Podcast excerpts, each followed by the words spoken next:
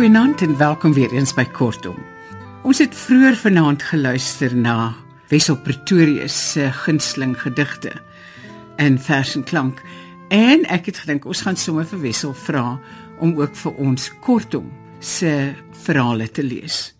Vanaand gaan ons luister na verhale van Dana Snyman. Albei hierdie verhale is nog nie regtig gepubliseer nie, maar ek het sy toestemming dit het al in 'n dagblad verskyn en ek het sy toestemming om dit te gebruik. Ons gaan eerstens luister na die verhaal wat daarna net iets ligs noem. Ek dink ons kan almal identifiseer daarmee hierdie tyd van die jaar. Lekker luister. Die familie trek Kersdag by ons saam en ma's vasberade. Hierdie jaar eet ons lig, net koue vleis en slaai, sê sy. Ons gaan ons nie weer so oor eet soos altyd nie. Ons kry seker darm pudding, sê pa. Net trifle, sê ma. Nie souskleitjies nie. Ma maak of sy pa nie hoor nie, gaan bel vir ouma en tannie Mart en tannie Pop, haar twee susters. Hulle kom ooreen. Net koue vleis en slaai hierdie jaar. Niks swaars nie. 'n Mens eet hopeloos te veel hier oor Kersfees.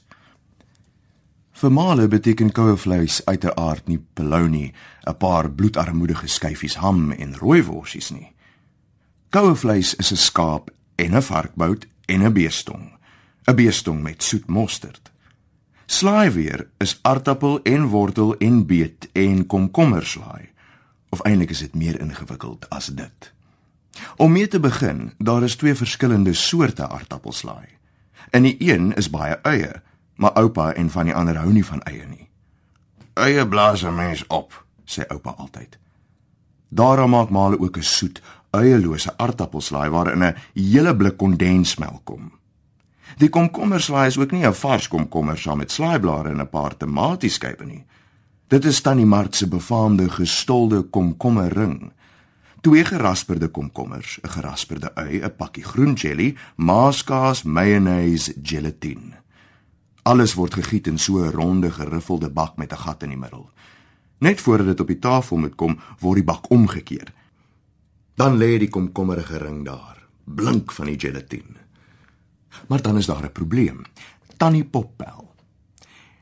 Oom Tikkie, haar man, het met 'n kalkoen by die huis aangekom. Oom Tikkie het hoë cholesterol en die dokter het gesê hy mag net hoender en kalkoen eet. Wat nou? Kan sy die kalkoen maar gaar maak en en saambring? Eers kop maar vas. Ons het dan gesê net koue vleis en slices.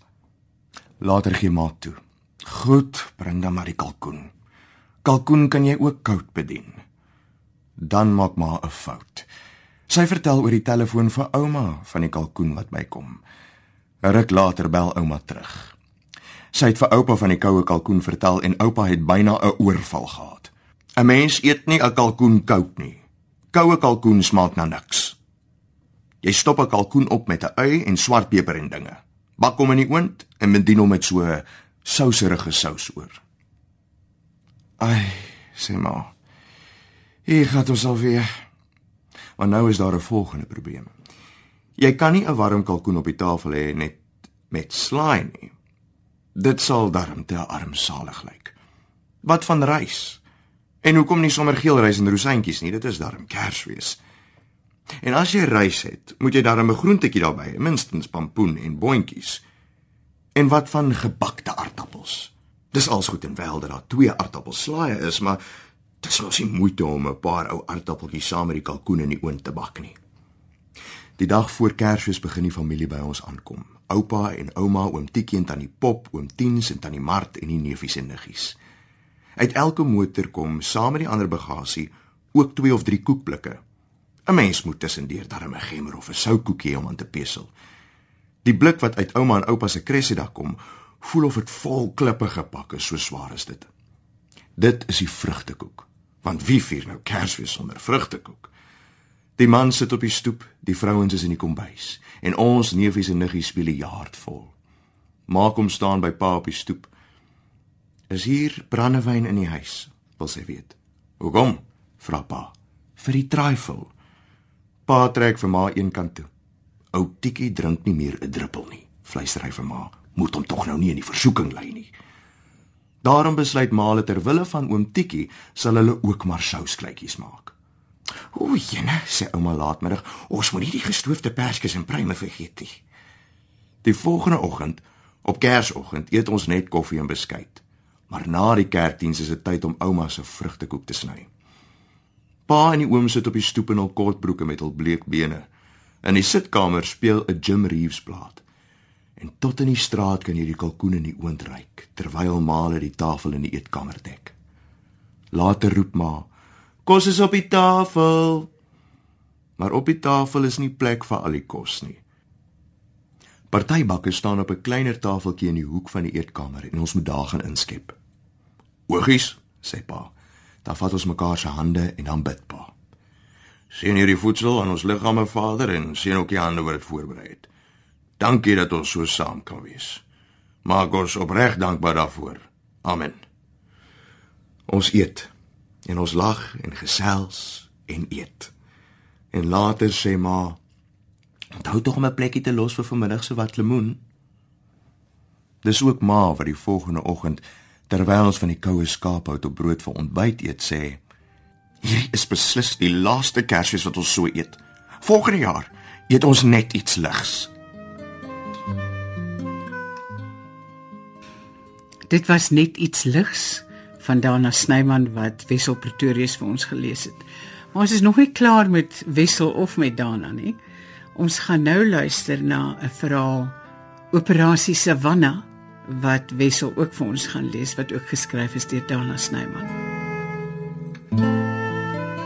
Ek sit in die Wimpy Bar op Vredenburg en drink koffie.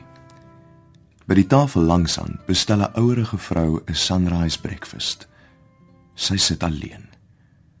Sunny side up, sê sy vir die kelnerin. Op haar kop is 'n papperige pers hoedjie en by die laphandsak wat langs haar op die bankie lê, steek 'n sonneblom uit. 'n Enkele vars sonneblom aan 'n lang stingel.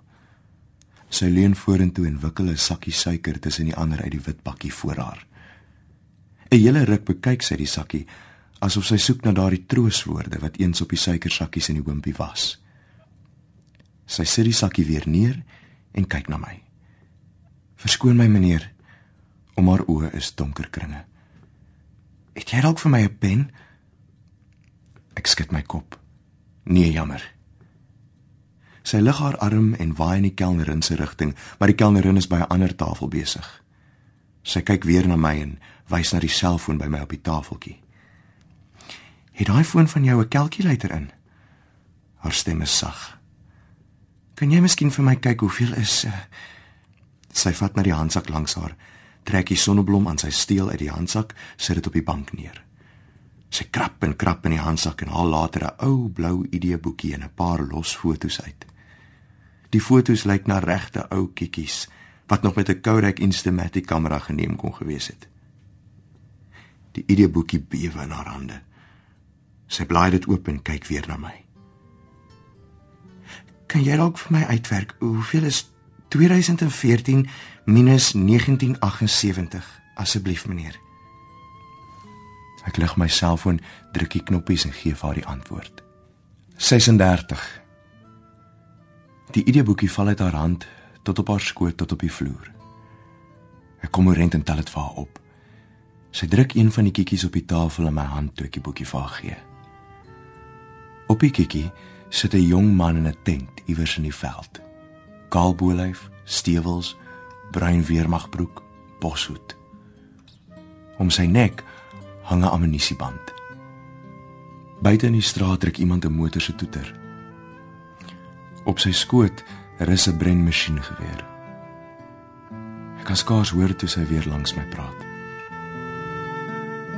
Hulle het hom vandag presies 36 jaar gelede in Angola doodgeskiet. Wessel Pretorius het vir ons Dana Snyman se operasie Savanna gelees. Ons staan aan die begin van 'n nuwe jaar. 'n Jaar wat hopelik vir ons almal um, goed gaan wees, sag met ons gaan werk. Ons moet met mekaar sag werk. Maar nou ja, ek mag seker in die preek hieroor nie. Van my, Margolite. Alles van die aller aller allerbeste vir hierdie jaar. Mag dit met ons almal goed gaan. Totsiens. thank you